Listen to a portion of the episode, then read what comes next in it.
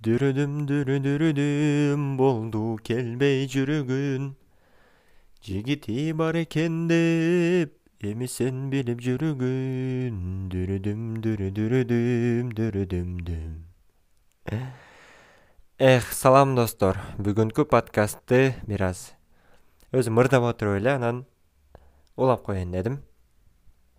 Бүгүнкү темабыз молдонун айтканын кыл кылганын кылба же жалкоолук жөнүндө. Экөөнүн кандай байланышы бар? Бул макалды мен молдолор жөнүндө айтайын деген иретте эмес мындай өзүмдүн жеке жашоомо анан мен акыркы күндөрү байкаган бир нерсе боюнча дагы айта кетейин дедим. Алгач жалкоолук жөнүндө болсун жалкоолук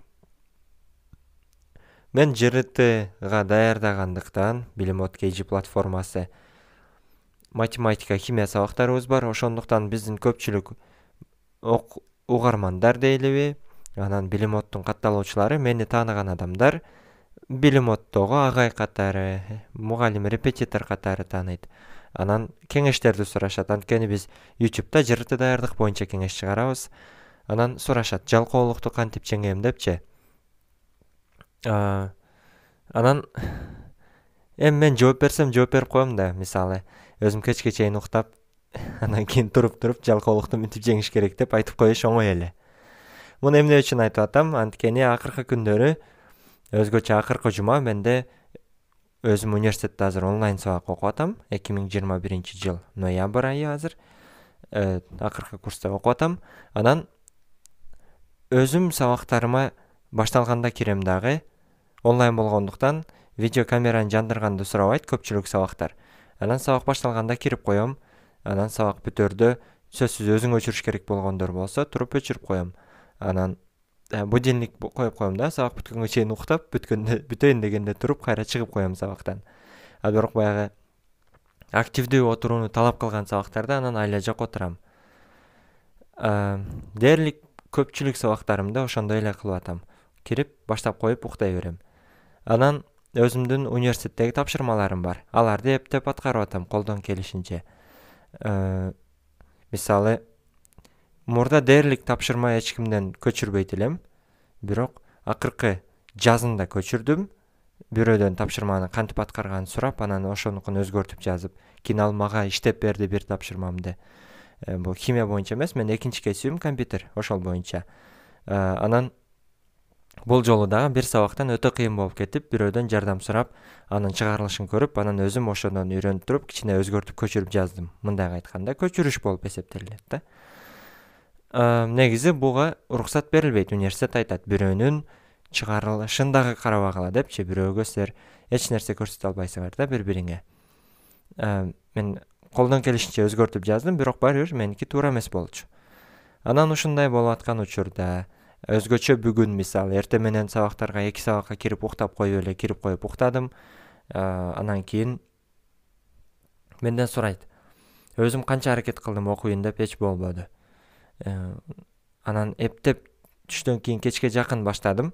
Баштасам программалоо боюнча тапшырмам бар эле. Мен экинчи биринчим химия экинчим программалоо айткандай эле.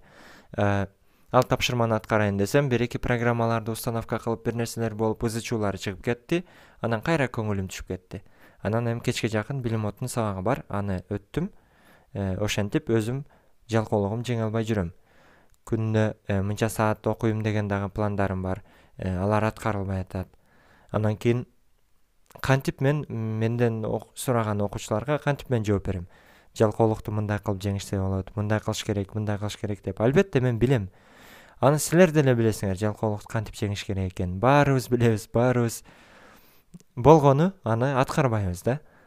Ооба кээде ушундай болот? Кээде кыйын болот? Кээде окшошот? Кээде окшошпойт? Эми муну кантип жеңип кетиш керек экенин билсем мен. Өзүм кыйла нерселерге жетишип коймокмун. Кыйла көп нерсени аткарып э, көп ийгиликтерге жетишмекмин э, дагы башка башка болмок да. Ошон үчүн молдонун айтканын кыл кылганын кылба деген дагы ушундай эле молдолорубуз. Молдолор же жалпы эле мугалимдер адамдар толтура нерсе билебиз билет.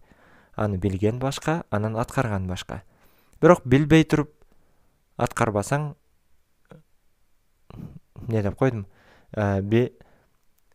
Билбей туруп аткара албайсың да билип туруп аткарышың мүмкүн аткарбашың мүмкүн эми бул кээ бир мындай билим керек болгон нерселерди башка жөн эле мындай эркти жеңе турган жалкоолукту жеңе турган нерселерди албетте муну баардык адам эле билет. Кээде биз бирөөдөн жардам сурап эле отура беребиз. Бирөө муну айтып койсо бирөө мунун сырын айтып койсо мындай болсо анан мындай болуп кетмек депчи.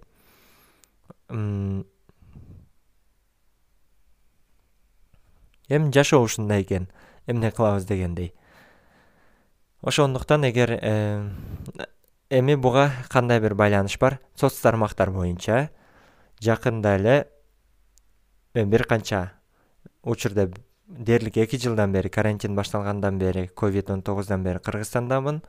Анан окуум онлайн болуп атат. Бир жыл академикалык эс алууда жүрүп кийин анан онлайн окуп баштадым.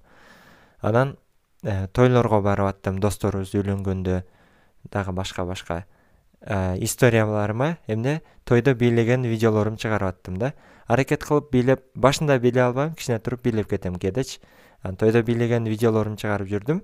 Анан досторум ойлоп калыптыр мени өтө катуу бийлейт өтө жакшы бийлейт деп. Эмне үчүн? Анткени менин историямда бийлеген видеолорумду көрдү. А мен тартынып бийлей албай башында турганымды же анча бийлебеген жерлеримди чыгарбайм да сөзсүз.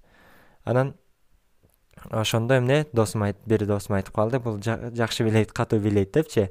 Менин историяларымдан көргөнүн айтып атат да биз эмне? Социалдык тармакта башкабыз чыныгы жашоодо башкабыз да бул бүт картинаны көрсөтпөйт. Ошол эле жалкоолук боюнча мисалы билбейм мен э, билим отто. Бир убакытта өзүм мындай жакшы окуп аткан учурларым болот да күндө сегиз сааттан катары менен алты саат беш саат бир нерсе катары менен ушунча күн болду депчи. Ошондой нерселеримди айтам. Анан айтам мына ушундай болуп атат депчи мындай э, анан адамдар ойлоп калышы мүмкүн да. Азиз дайыма ушундай сабак кылат экен ушундай окуйт экен депчи. Анан биз эмне? Ийгиликтерибизди жакшы жыйынтыктарыбызды эл менен бөлүшөбүз соц тармактарда бөлүшөбүз. Анан өзүбүз кечке чейин сасып уктап атканыбызды жалкоолонуп тургубуз келбей жатканыбызды ичип э, чукулап жатканыбызды аларды айтпайбыз. Ошондуктан соц тармактардын бизге берген чоң эң чоң бир минусу ушул мисалы чет мамлекетте жүргөн адамдарды көрөсүң кээде окуп аткан иштеп аткан жыргап жүргөн сүрөттөрү да билбейм америкада бир нерсенин алдыда түштү кореяда бир нерсенин алдында түштү сүрөткө э, дубайда жүрдү дагы бир жакта депчи анан эмне кылабыз? Жашоо ушулардыкы сонун көрүнөт. Бирок билебиз андай эмес экенин бирок баары бир ошондой көрүнөт бирок анын артында ар бир адам өзүнүн кыйынчылыктары бар экенин башка башка нерсе болуп атканын кыйналып иштеп атканын окуп атканын же башкасын чыгарбайт. Ошондуктан бизде эмне? Туура эмес бир кабыл алуу туура эмес бир сезимдердин пайда болуусуна алып келиши мүмкүн. Муну дагы билесиңер албетте. Муну дагы билебиз. Балким билбегендерге жаңы бир көз караш болор негизи ушуну эле айтайын дедим жалкоолукту жеңүүнүн жолдору толтура бир ишти аткаруунун да жолдору толтура акырында мындай мындай кылып иштеш керек мисалы убакытка бөлүп иштеш керек дагы мындай кылыш керек билбейм айтор толтура миллиондогон жол бар. Бирок ошолорду билип алган пайдалуу чыгар. Ютубтан карап мисалычы. Мотивация видеолорду карап койгула. Тайм менеджмент боюнча видеолорду карайбыз. Аларды аткарбасак дагы билсек кээде жалкоолугубузду жеңген учурда ошолорду колдонуп бир аз болсо да иштегенге аракет кылабыз.